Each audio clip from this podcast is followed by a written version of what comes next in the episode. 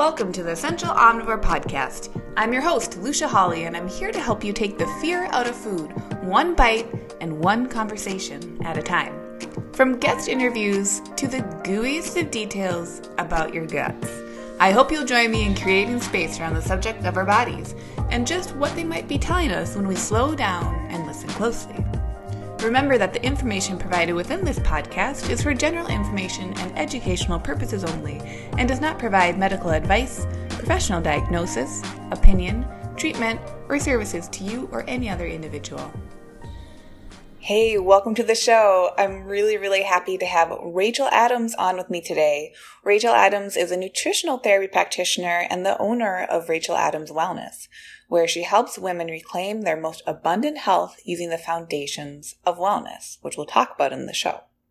Rachel's mission is to educate, support, and empower others with the information necessary to change their lives for the better while making sure that those changes are sustainable for life. Rachel and I have been friends for over six years now, and I can't wait for all of you to hear her story of how she has reclaimed not only her physical health, but how this was the catalyst to her empowerment in all areas of her life. This is a really powerful episode, and I can't wait to get into it, so let's dig in. So I'm really excited to have you on here. For anyone who doesn't know, Rachel and I are friends IRL, which sometimes I feel like in the nutrition world, it's like we're friends, but we've never met each other. But Rachel and I have met each other. Oh, yes, indeed.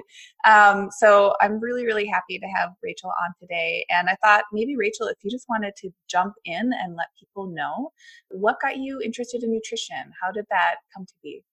Yeah. So, first of all, thanks for having me, Lucia. It's always a pleasure to talk to you. And yes, we definitely are friends in real life. I think it's been like six years now or something like that. Um, so, how I got into it, I, you know, in college, I wasn't into fitness. I wasn't into nutrition. I ate, you know, whatever the easy thing was that every college kid ate. And I didn't really take care of myself, drank a lot as one does. And after college, I was like, okay, I finally have time. I finally have a little bit of money. I'm going to join the gym and I'm going to lose the weight that I gained my like senior year of college. And I also was dealing with a host of health issues that I didn't at all think was food related or diet related. So when I started losing a little bit of weight and getting in better shape, you know, some of those things started to get a little bit better, but not really that much. So I started seeing a, a doctor for various things. I had um, POTS symptoms, so I would get really lightheaded when I'd stand up, even just from like waking up in the morning. My heart would race. I had some digestive issues. I had GERD, which was really unpleasant, some IBS stuff so I was facing all these health issues. I was counting every calorie. I was eating low fat, you know, high protein, a lot of Greek yogurt and kashi lean cereal, the stuff that everybody thinks is healthy. And things were just not getting any better. Um, the doctors were kind of puzzled too with a lot of my health issues. Um, so I thought, I think what I was doing was one day I just went on Google and I was Googling some of my symptoms and I randomly stumbled upon it Starts with Food, which was the first Whole 30 book by Melissa Hartwig Urban. And so I read some of the experiences people had had, and I was like just blown away that changing their diet could do such a, you know, make such a big impact. So I ended up ordering it, read it in like the course of a day, and just my mind was completely blown. Like I, I love the science aspect of nutrition. I think that's just completely fascinated and I learned something new all the time, even, you know, six years later. But that really was just like my complete motivator to jump into the diet, see what would change. And after my 30 days, I had really drastic um, changes. I felt so much better. I dropped two pant sizes, which I think was just a lot of water weight and like inflammation that I had. And pretty much all my health issues went away wow. in 30 days. And so I was just like screaming it from the rooftops, so fascinated in the science. And so that's what really got me started um, with my interest in nutrition. And then ultimately, I started a blog, started sharing recipes with people, started cooking a lot more. And then um, over the course of the next several years, that kind of led me to where I am now. That's amazing. And I, I think it's so incredible, just what you said, where it's 30 days, right? You made a 30 day commitment to try this. And I'm assuming it was the whole 30, right? Which was what the, the diet was from the book. And that in 30 days. So can you list off then for people, like what were the actual changes? Like you were, yeah. so you had GERD, you had some POTS symptoms. So what, yeah. what changed? Yeah. So one big thing that I didn't mention yet, I think it was probably the biggest thing for me was I had that like 2 3 p.m. afternoon slump every day where I was like falling asleep at my desk. I was like completely crashing. I couldn't stay awake and uh, I had a really scary experience where I almost got in a really severe car accident going like 65 miles an hour during rush hour because I fell asleep at the wheel. Wow. Yeah. And luckily nothing happened. I pulled over or I like kind of came to and got to self correct and got out of there. But after 30 days, I had really even energy, no more crashing. I woke up with a ton of energy in the morning. I didn't need to, you know, hit the alarm six times. With that energy, I had, you know, better recovery from workouts, more energy to work out. Like you said, the GERD symptoms went away completely. My digestion got way better. And over the course of the next like six months, as I was learning more and taking digestive enzymes and eating more probiotic foods, that continued to improve. You know, I lost a lot of that inflammation. So I didn't, like, I had, I used to have um, my feet would swell on planes, mm. and it was part of that poor circulation piece that goes along with POTS. But that stopped happening you know, I was way less lightheaded all the time, which was such a big change for me. Yeah. And I was eating way more than I had been prior. So I just felt really satisfied. I was enjoying food for the first time in a long time and I wasn't counting any calories. So a big portion of it was just like I was so happy um, that I got to change my relationship with food. Yeah. And what was that like? I'm always curious when someone goes through a change that profound, right? Like it was life changing. Yeah. What was it like for your community or the people who were surrounding you? What did they notice or what were their reactions like? It's actually really interesting because when I started the Whole 30, I basically had moved in with my partner at that time the same day I started the Whole 30. Wow. so it was a really interesting first 30 days to live with someone. And we ended up breaking up um, like a couple years later. But what I found was I found really who was supportive of me by going through something that life changing because I all of a sudden had this extreme passion for the food I was putting in my body and for my health. And I was so interested in it. So I just wanted to talk about it all the time. And so, like, my family and my good friends were just as enthusiastic. I got, you know, my best friend to do the whole 30 a month or two later. I got my brother and his family to do it my parents were a little slower to catch on, but they were, you know, very supportive regardless. Um, but I think it's interesting that the the guy I moved in with at that point was not supportive at all, mm. which made it really tough. But he was a he was in medicine, so I wasn't surprised because it's so different than your conventional wisdom in terms of medicine. Um, and I think that ultimately his non support was one of the big reasons we ended up not, you know, working out. Um, but it taught me a lot about like who was there for me and who was supportive of me. And be, besides him, everybody was just, you know, just excited as I was for me finding, you know, better health and being really excited about something new and passionate about something new. Right. And it's also incredible that you then turned that passion into a food blog. Yeah. Yeah. So that was that was really my outlet at that point. So I, you know, I the guy I was living with wasn't supportive, so I couldn't talk to him about it very much. So I ended up being like, okay, I really enjoyed the forum, the whole 30 forum while I was doing it because there was a lot of good feedback. People were really kind. Um, they shared recipes. So I started sharing recipes just on the whole 30 forum. Mm-hmm. And then um, I ended up thinking, okay, well, I think I can start sharing these on a bigger platform. So I actually started with Tumblr. Um, oh, that's so interesting. I didn't know that. Yeah. yeah. And I did that for a few months and I, I actually got, you know, like a decent amount of people to respond and to connect with. And then I decided to just jump in and buy a website. And I had no idea what I was doing. Um, I was Googling how to write HTML code. I was, you know, figuring out different components of that of how to you know start taking pictures and in the beginning they were real bad. They always are. Yeah, same with my so blog. yeah. Real and dark a lot of yeah so dark very weird colors um, so if you go back to some of my earliest recipes the pictures are still there and you can see how cameras have improved and how my ability has improved. Right. But that was really like such a good outlet for me to be able to experiment start falling in love with cooking start being able to share that with other people and get to know the community because back then in 2013 the paleo community online was pretty small. Right. um, so everybody sort of got to know each other got to you know talk a lot on social media back in the you know the good old days of social media before it was all ads. Yeah. But yeah i i think it was something that i'm so happy i did and eventually i sort of got burned out of doing the recipe thing because I no longer really needed it as an outlet. And I got happier. You know, I made a decision that I was like, okay, you know, this has been an outlet for me. It's been really good and I enjoyed it. But then I decided that I needed to, you know, turn that passion into something bigger instead of just writing recipes, which was no longer something I loved. So that's when I decided to start looking into nutrition programs. And mm. that's when I found Nutrition Therapy Institute, which is based in Denver, and decided to become an NTP, which you are also one. Yes. there are two schools, I think, just two, at least in the US.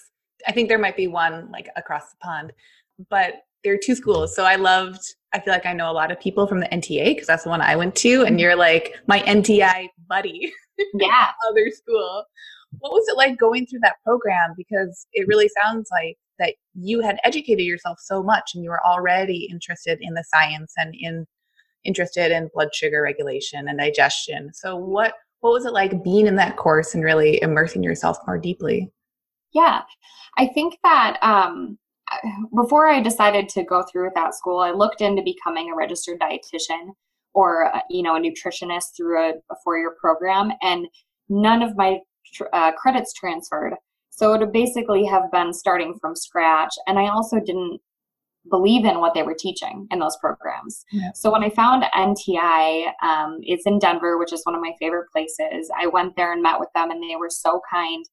Um, and basically, it just it taught me a lot more because I think with nutrition, you're always going to learn. There's so much to know. There's so much to constantly be becoming an expert on. So I, I think that the NTI program, the NTP, was a really good starting point. And eventually, I definitely want to do the master's program that they have as well, just to be a constant learner. Because I think that when you, you know, find something you're passionate about, you just want to learn more and more about it all the time and then share it with other people. Right. Uh, Obviously you can completely relate to as another NTP. Yep. Um, and that's really how we met and got excited about, you know, nutrition together through a paleo meetup group, which is so funny now. Yeah, isn't that funny? Like I remember I started that group with my friend Rachel and back then it was like 2013 mm-hmm. back then it was like i mean i think paleo is still alternative but it's gotten so much more popular yeah. 2013 i was just like has anyone else heard about this and if you have you want to have dinner together yeah. and it was it was so hard to find anywhere for us to like eat too so we had to have potlucks and you know sharing recipes and it's just so nice now that there's so many resources out there for people who want to make that big change because back then it was tough. You know, was, you had to do basically everything yourself. Right. And there I think there is definitely an air of isolation back then too. Mm-hmm. It's like you were doing something really alternative, really weird. You definitely had to have people in your corner who believed in you because it wasn't something that was easy to find. It was hard yeah. to find and once you did you're like oh i struck gold. Yeah it's it's so funny because it's like people are like oh well you know i know you eat paleo. How long have you been doing that? And i'm like mm, over six years. And they're always so shocked. They're like i didn't even know existed back then. Um, and now it's like you can go to any grocery store and find you know whole 30 things on the shelf or you know paleo on the menu or paleo on the label. And i think that's so cool. Right. It's incredible. And I'm curious too, you know, as we were chatting before I hit record, Rachel and I were talking about how for both of us, you know, discovering wellness certainly started with food, but mm-hmm. now that we both have been doing this, I started around the same time as you. So, like six, seven years, there comes a point where it, the conversation can't just be food. So, can you talk a little bit about how that started to change for you? And it sounds like really like you got your outlet with the food blog, and then you're mm-hmm. like, okay, I need to do something bigger went for your certification and then how did those other factors start to crop up or start to become more important for you yeah i think that whenever you start a diet that's pretty restrictive you think like it's scary almost to go back or to deviate from that plan because you're like well what if everything bad that i was you know facing before comes back and so i was really really strict paleo for a long time and then I started being like, okay, you know, if this is going to be a sustainable thing for me and that I'm going to continue this forever, I need to have more flexibility. And I think that every single person is different.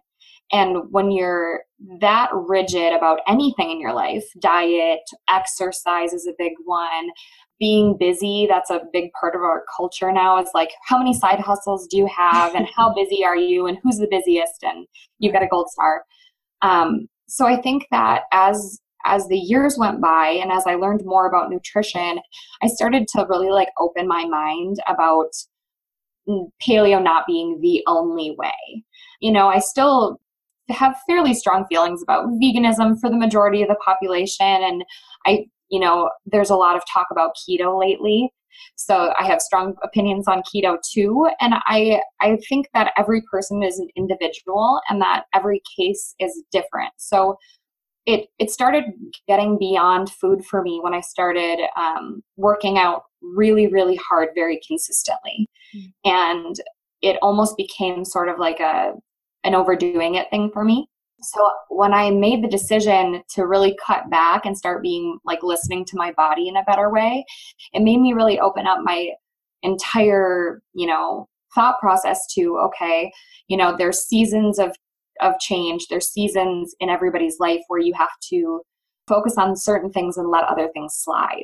Yeah. So with that, I was able to kind of let fitness take a back seat, focus more on self care. So there's a a whole I guess industry around self care now about salt baths and you know whatever else it may be. Right. But I think self care is really just like listening to what your body needs and what your heart needs and what your brain needs and trying to do some things that are going to allow you to soften mm-hmm. and to really like see what's important to you and not like keeping up with the joneses yeah so I think, and this is kind of all over the place, but really, I've gotten to a point where I want people to just figure out what makes them so, so happy and focus on those things. And like once you've done that, it's a lot easier to make changes about your diet or make changes with stress and exercise and you know other life choices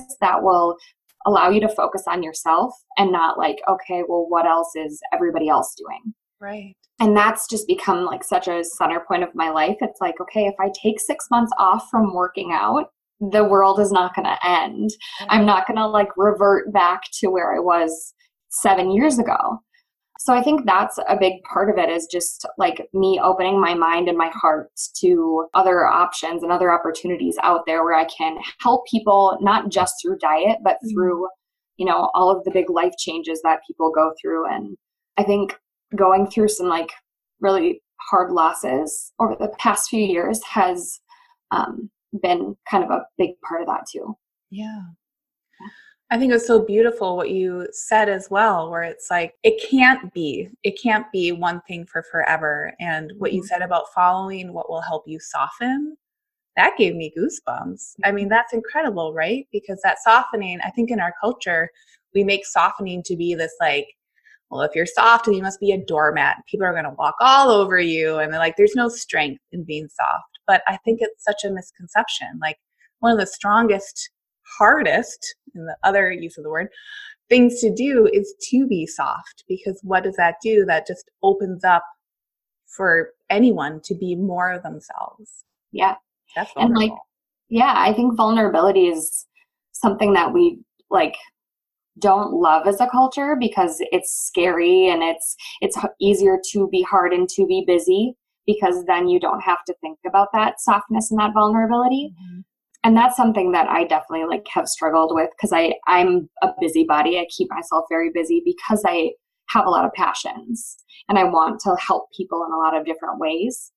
But i think that like being really kind to yourself and like being grateful. One other thing i've done this year is i started a gratitude journal. So i write in that every morning for a couple minutes and every night to kind of think about what i'm grateful for. And i think that that's you know part of it is like being grateful for your body however it looks you know however whatever ability it has being grateful to be able to afford fresh food i mean there's just so much to consider and i i don't want people to feel like it's so many things they have to think about and do all at one time because it's you know don't let good be the enemy of perfect sort of situation that a lot of people are thinking about right. um, and i've also realized like the whole 30 completely changed my life. It totally did and i am so grateful but i don't know if i'll ever do one again because it's very restrictive and very rigid and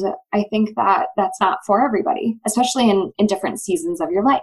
Right right and that it can be for someone for like multiple times over if that is their season of their life. No i i still resonate with that and i think it's very profound saying that as mm-hmm. someone who has been like this changed my life and it was so like what i needed way back when yeah recognizing that kind of being in that gray area of saying like that was great then would it be great now? Shrug or like mm. maybe completely not. Huge. Yeah, and that's like a really hard shift to make for a lot of people. And it was hard for me too because I I went the last year or two, I'd try to do a whole 30 and I travel for work almost every week. And then I don't have a kitchen and I'm in airports and I'm driving for, you know, hours on end. And a whole 30 became stressful when I was trying to travel. Mm-hmm. So there might get to a point where I'm home all the time and it sounds like a good plan. But right now, for me in this season, yep. it doesn't uh, serve me. So I've moved on to different ways of treating myself. Yeah. And how amazing, too, that you've I'm making an assumption here, but that you've taken ideas from the structure of that whole 30, mm-hmm. right? Mm-hmm. To understand, like, okay, I gave myself that time with that structure to know how I feel when certain foods are removed or when certain foods come back in.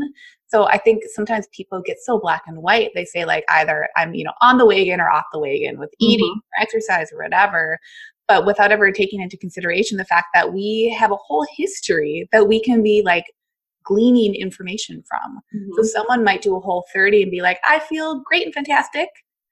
And then I also know that I feel okay with gluten free grains or mm-hmm. with actually, I don't feel great with eggs, even though they're whole 30 approved, you know, what have you. So I think that's really, really powerful what you're saying, where it's like you get to take what you're going to take from it. And if you want to do it again, awesome. If you don't, that's also awesome. Yeah, and I I've been thinking lately a lot about the whole like on the wagon off the wagon thing. And it's like there's different wagons and they're all like coming and going and they're on different paths and it's easy to like jump on one and jump off and jump onto a different one because the path's not linear. It's not going up or down, you know, it's all over the place and I think that it's really scary, especially if you've gotten into like a really rigid diet or really structured workout regimen to say, well, what if I stopped entirely and did something totally different? That's super scary. It was for me, mm-hmm. um, you know, six months ago, and I basically went from working out six days a week really vigorously to maybe doing yoga every other week for an hour. Mm-hmm. Um, and I, what I've found from that experience and from the experience of like, you know, dabbling with keto and doing whole 30s and being strict paleo and then, you know, going back to a point where I eat whatever I want. yeah, right. um, there's never going to be like a falling off a cliff. Like you're going to keep going, you know, you'll have highs and lows, but you're, it's not the end of the world. And I think that that's a really hard thing to kind of reconcile with. Yeah. Was there, I mean, I'd like to chat a little bit more about, because I think we both have had an experience of stepping away from exercise in the last year. So I have my opinions and experiences, but I'm curious, was there an impetus or something that really kind of made it more like black and white for you to say, like, hey, I am going to step away for who knows how long, but at least for the time being? Yeah. I actually, so I had been going to a gym um, that I loved for a long time, and I really loved the idea of getting really strong. So I, could, I got to the point where, you know, I'm going to pat myself on the back. I could do five unassisted strict pull ups in a row. Oh, yeah. That's amazing. Yeah. yeah. And I was so proud because it was something I'd worked on consistently for years. And, you know, I did a pull up clinic and I did all the things and I finally got it and I was so excited. But I realized that um, my elbow, which I had injured when I was 17, started hurting pretty significantly when I would work out. So I didn't want to exacerbate it too much. So I went to an OT that was recommended and went through OT for a while to try to get it to be better. And she said, You need to stop working out for, you know, four or six weeks. And my brain immediately was like, No way. I have to keep working out. I, if I stop, I'll never get back to it. And I tried to do that through it for a little bit and it wasn't working. So I was like, okay, I need to stop. I also got really busy, like more busy than usual, because my dog tore her ACL. Oh gosh. Simultaneously, yeah. Poor so Beasley. yeah, I know. So she's she's three and or she wasn't even three at the time. And so we I started taking her to rehab and I was going to my rehab and I just didn't have time. Um, so I put it on the back burner. And then even after she was done and I was done and my elbow felt better, I just like my body felt better. I wasn't sore all the time. I didn't have I I, I went from getting like monthly fascial release massages because my body was so, you know, torn up from all these hard workouts mm-hmm. to feeling really good.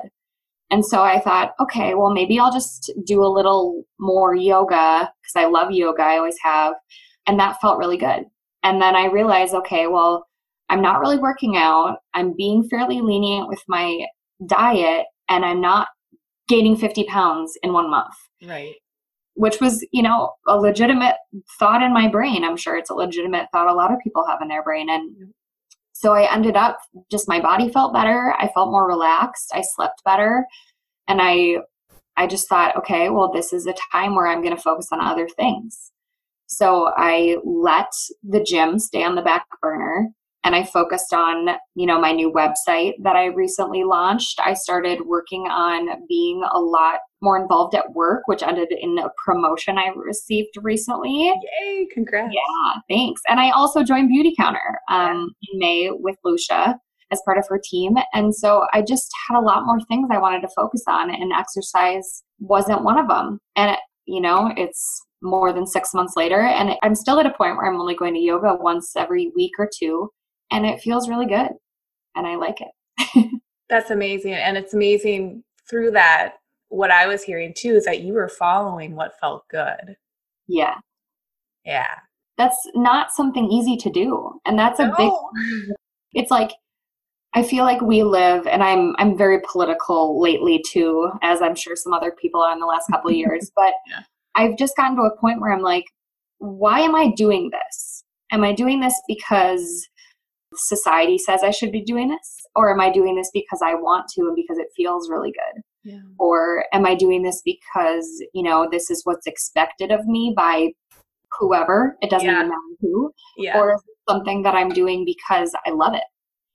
And that was a big part of it. It's like, who am I working out for in this extremely vigorous way? Or who am I making recipes for? Is it for me or is it for people I don't know yet?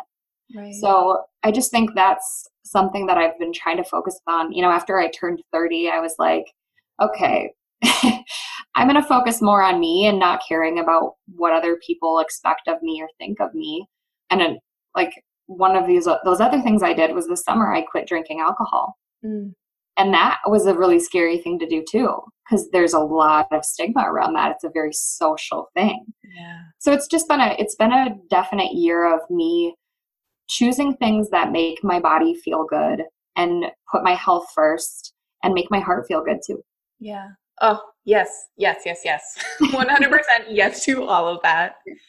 I think, too, maybe this resonates with you. I think those changes, they're difficult for anyone, right? Like whenever mm-hmm. I'm working with clients, like a lot of what you're saying, it's it's a I think a common experience to say like I've made changes, but I don't want to be making new ones, but I'm going to because that is how I continue to feel good. Yeah. But I think it can also, there can be an added level of stress that is maybe self inflicted when you have a certification or when you're working in a certain field. And I know I definitely felt that in the last year or so, being like, why do I not want to work out? I know the health mm-hmm. benefits of it. I know that it can be so good, but why is it not feeling good? And oh, are people going to judge me or, you know, this or mm-hmm. that? Or I think people feel that too when they're moving away from like strict paleo or mm-hmm. strictly being vegan right even if you and i don't believe in that like when people are adhering to a label and that's how you self-identify it can be extra emotional labor to say like i'm going to keep that there respect what it was and still like move forward and past it yeah that's so true it's it's like i'm the go-to person you know for a lot of people is like nutrition and health and I generally am so interested in it all and passionate about it that I do, you know, keep up with what's new and what's going on. And I love to talk about it. But it is so true that if you are eating strict, you know, strictly for nutrients, which I definitely, I think my idea of like eating junk is definitely not the same idea of eating junk as a lot of people's. Like I, you know, I'll never eat an Oreo again probably because I don't want to. Right. But like I still go out and I have like a almond croissant with a full fat latte and I don't feel bad about it, but it took a long time to get to that point. It takes kind of years to untangle the rigid way of thinking that people think, oh, you're a nutrition therapy practitioner, you eat only you know only kale and only sardines. Or they see pictures of me posting on social media of like working out consistently for a long time and then me not post anything about it in six months. Right. And i do think that that's like a, a hard thing to do but I, I generally think that if someone you know comments on your eating that's off the wagon or not working out it's more a reflection of how they're feeling about their choices. Yeah.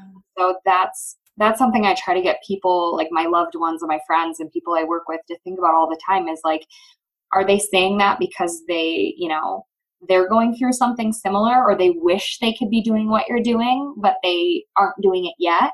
So i, I generally when you know those thoughts pop into my mind of like self-doubt i think okay, where's that coming from? Is that from my heart or is that from what I think society is trying to, you know, box me into?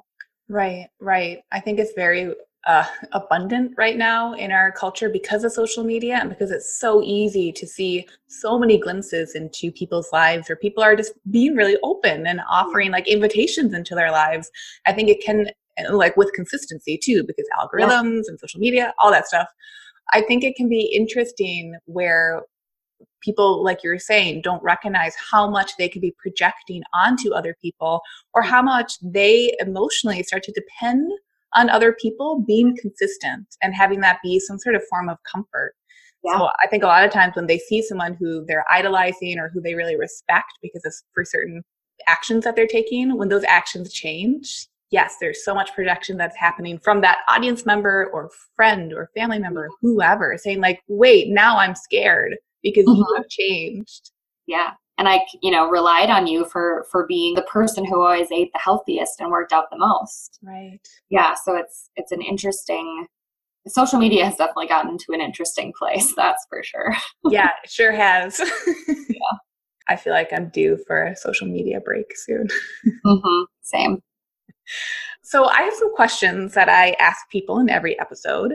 So, my first question is, and of course, it's like going along with everything that we talked about what is your idea of health? That's a very good question. So broad. I, um, I think that when I think about the word health, I think of taking care of yourself.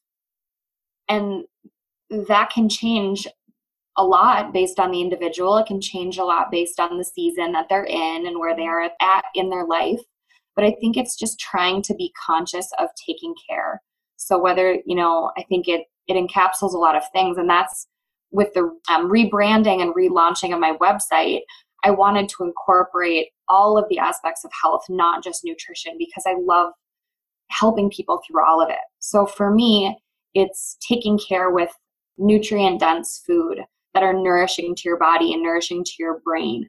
Um, it's also relaxation and stress reduction, you know, whatever that looks like, whether it's yoga or it's baths or it's telling, you know, your loved ones that you need a break and you're taking an hour to go get a manicure or just sit in a coffee shop by yourself and scroll through Instagram if that's what it looks like. yep. Uh, you know, I think health also includes taking care of your body. So stretching, you know, it could be the easiest thing is just stretching your body and going for walks in nature, you know, grounding into the earth and connecting with nature because we are nature. We're not, you know, separate from nature. Mm-mm. And then just like loving yourself and being kind to yourself and trying to, I think, with gratitude, thinking about everything that you have, everything that your body provides you, everything that the world and life and your loved ones provides you.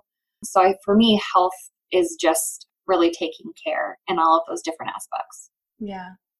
What would you say to someone who is like grasping for all of those?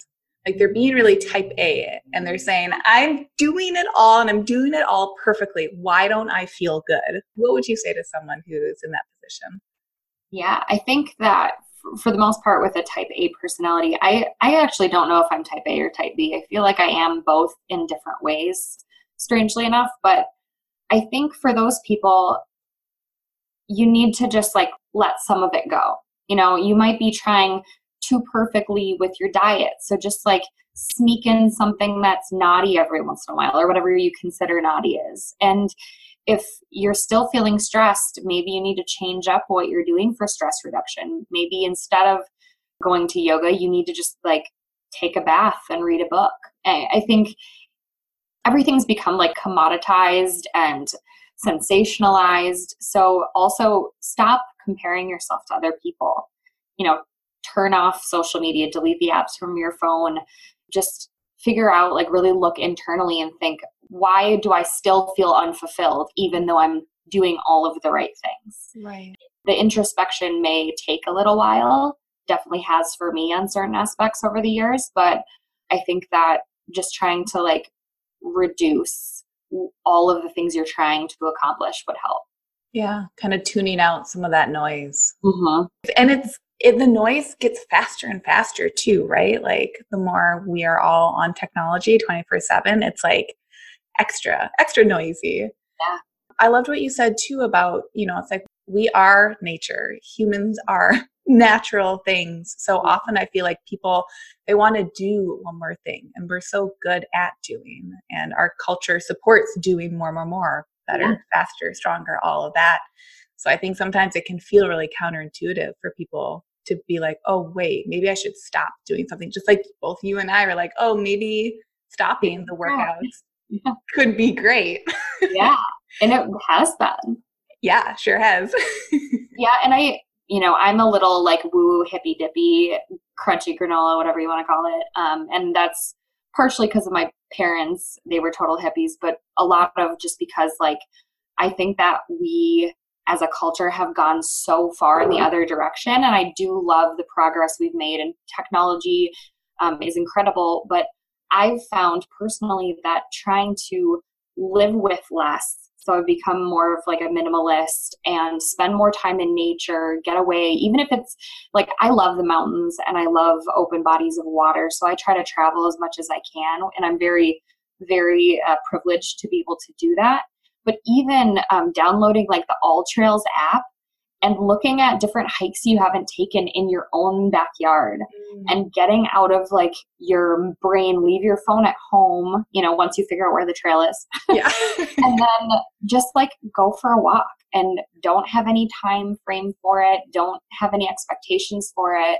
and just like be in nature i think that's one of the the best things I've been able to do in the last few years.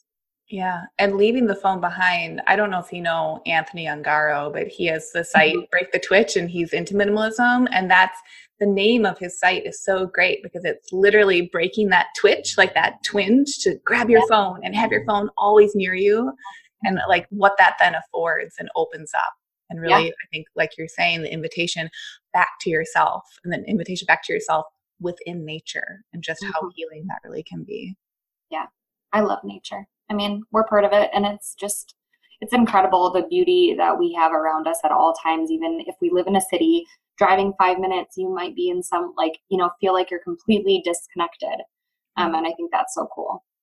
And this podcast is obviously not a video podcast, but for everyone who's listening, um, Rachael and I are on video while we're chatting, and she has a huge, amazing plant, speaking of nature, behind her 20 year old, what is it? A monstera? It's a, it's a tree philodendron of some kind. Okay. My mom had it um, for years and years and then gifted it to me when I bought my house. And I, I am obsessed and I've become quite the plant lady. I think I have like 40 plants in my house now. It's like the whole millennial thing. They collect plants instead of children totally. I love it. But also yeah. you know what a, what a beautiful reminder to be in nature especially if someone is having to be home a lot or working from mm-hmm. home or can't get outside as readily bring plants inside. You can have 40 plus 100 yeah. I would definitely have 100 plants if uh, my partner wasn't part of the decision making yeah right um, so my next question then is what is your idea of happiness? Yeah. It's a funny thing to think about. So when I was 27, so I'm almost 31, um, I was pretty happy. You know, I had a lot of good stuff going. I, you know, had a good job. I had a lot of friends and loved ones and things seemed pretty good, but I I decided, I don't remember how I came up with this if I read a you know blog article or something but i decided to start putting things out into the universe about being happier and about seeing the bright side of everything. So if i had a negative or judgmental thought come through my brain i would switch it change it to something positive and i would do it every single time i possibly could every day. And just changing my mindset and i think this was part of this came from the idea of like epigenetics and reading the book Biology of Belief by oh, Bruce Lipton, which like totally changed my life too. If you haven't read it, totally read it. Yes, I know. please read it. It is amazing. Yeah. Um, but it's the fact, basically, if you're unfamiliar, epigenetics is the idea that we are, our cells are basically altered based on our environment. So our environment is not only the food we're eating, but our actual physical environment, the people we're around, our thoughts, and our brain. So I thought, well, if I change the way that my brain is thinking, if I start thinking in a happier way, in a more positive way, maybe that will impact my life. And it completely did. I mean, I've had the most incredible last few years. I think just a few months after I made those changes of my mindset shift to happiness, before it even existed, really, you know, you just change your mindset to happiness before you're there. And I met my partner I, you know, just a few months later or a month later, got a new job that I love. I bought a house, I got a puppy, and it just like snowballed. And so my my idea of happiness is really just like it's mindset. Mm. And I, I know that there's like a lot of different factors. You know, I've gone through a lot of different kind of traumatic grief um, providing experiences in the last few years, but I still maintain that mindset that I have so much I'm grateful for, and that when I have a bad thought come into my brain, I switch it around and I make it positive, and it's really made a huge difference in my life. Mm. Right, and that you know, with the biology of belief too, that that is like changing your cells. Yeah, it's changing it's your body. Yeah. So then, my last question is, what is your favorite word? I don't. I'm trying to think if I have a favorite word. My the word that I've had in my brain, um, it's popped up a few times, like during yoga when you know, they say to set an intention, and it keeps popping up. Is truth. And I don't know if I'd consider it like my favorite word. It, it's not like a sexy word or anything, but I think that that's what I've been doing, even subconsciously, is like trying to live my authentic, true self. Mm. And I think that that's something that's really difficult to do in our current culture when it's like a lot of comparison and me too, and then a lot of like us versus them. Um, but I think that knowing what's true to yourself, knowing what's true in your heart, will always help you, help guide you in any situation. Mm. And so I think that's been really like my, my my word for the past year probably is is truth.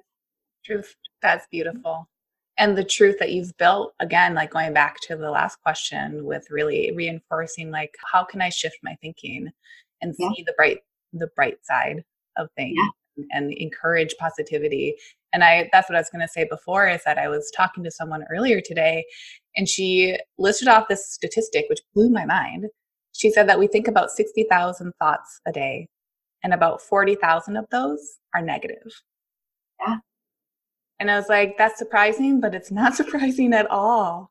Yeah. So and even, I do, yeah, it's so funny because like you say that, and I, that's totally where my brain was when I was 27, when I made that decision. I was like, even if it wasn't negative about like my life or my experience, I was being fairly judgmental about other people too.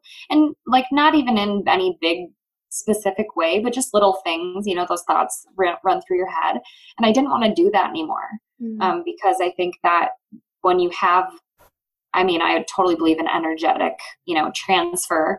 And yeah. so if you have a positive energy, if you're having positive thoughts, that energy is going to go out into the world and it's going to come back to you.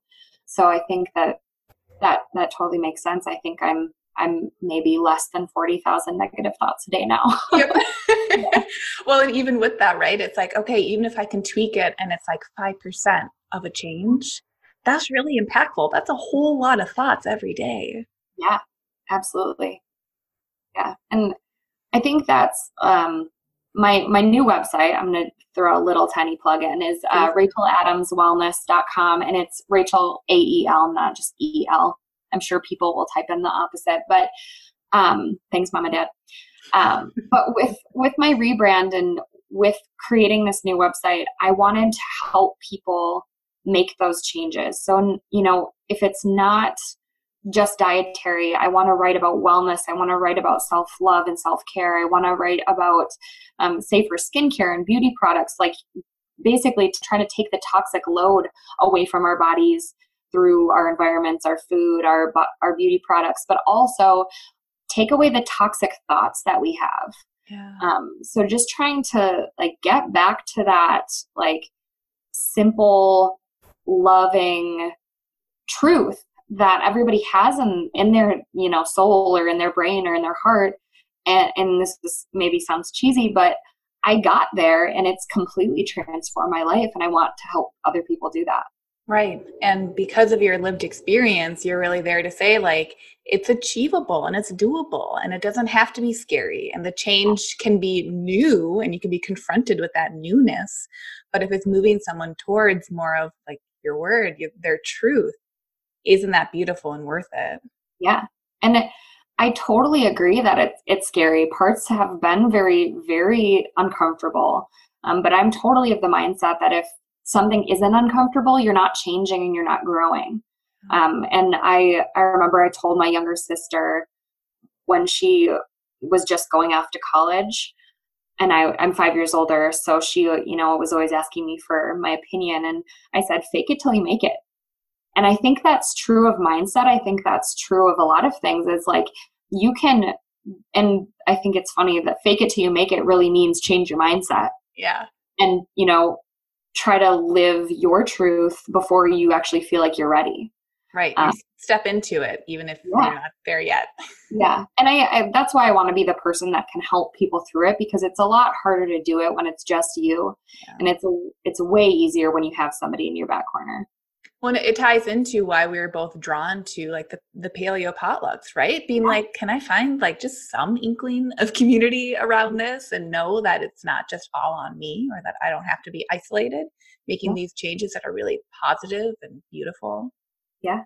I think that it's funny, we're more connected than ever, but we're also less community based than ever. Mm. Um, and I think that there are people out there that also really, really want those connections in real life, not just behind a computer screen. So if you feel like you're, um, and this is my really call to everybody who might be listening to this, if you just want someone to listen and like be a sounding board or be someone to hold your hand through something, like I'm I'm available to do that. Like shoot me a message and I'll help you because yeah. I think that um, taking the first step is definitely the hardest part, and then all the little steps after that are way easier.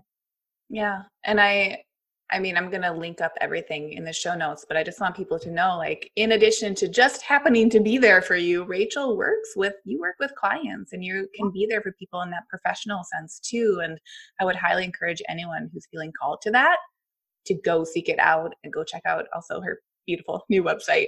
Thanks. Yeah. I think um you know, with working with people, like I, I think I make it pretty clear on my website. I wrote all the copy, so it should be, you know, from me and not from some other writer. Yeah. Um, that I want to help people with nutrition, of course, because that's, you know, the basis, I think, for a lot of big health transformations, but really help them find the things that I've found and help them.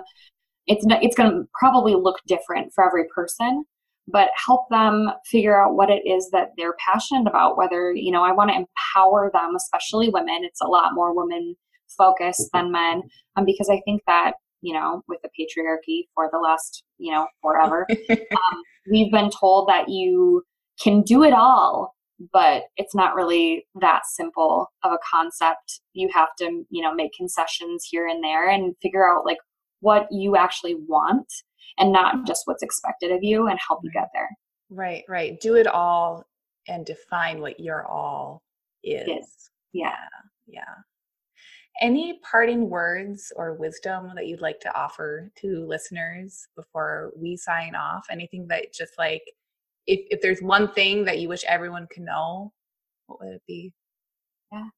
I think it's that you you can want something and you can go research it and find it find a ton of information to support it or to go against it. And there will be so many people that might you know be in your way or have conflicting opinions. But you if you want something it really no one else can do it for you. You have to make the decision. And that's something that I had to learn over the years where it's like I could push and push and push people to make changes, you know, whether that be with diet or with exercise or lifestyle changes, but no one's going to be able to push you. Um, you have to make that first leap, and it's scary.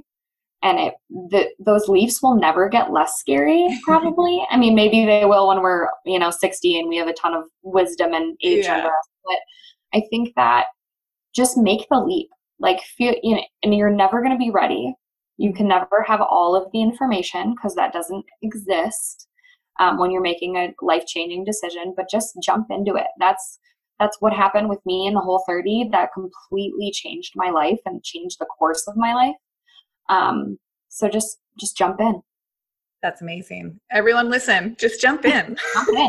just do it.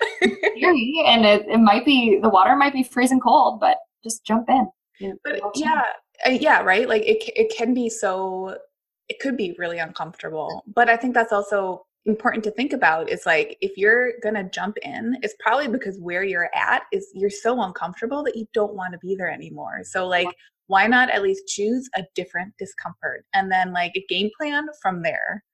Exactly. I think that's so true. If you feel like you need a change and you're considering the change you you probably do need a change and you should just go for it yeah, yeah, trust that.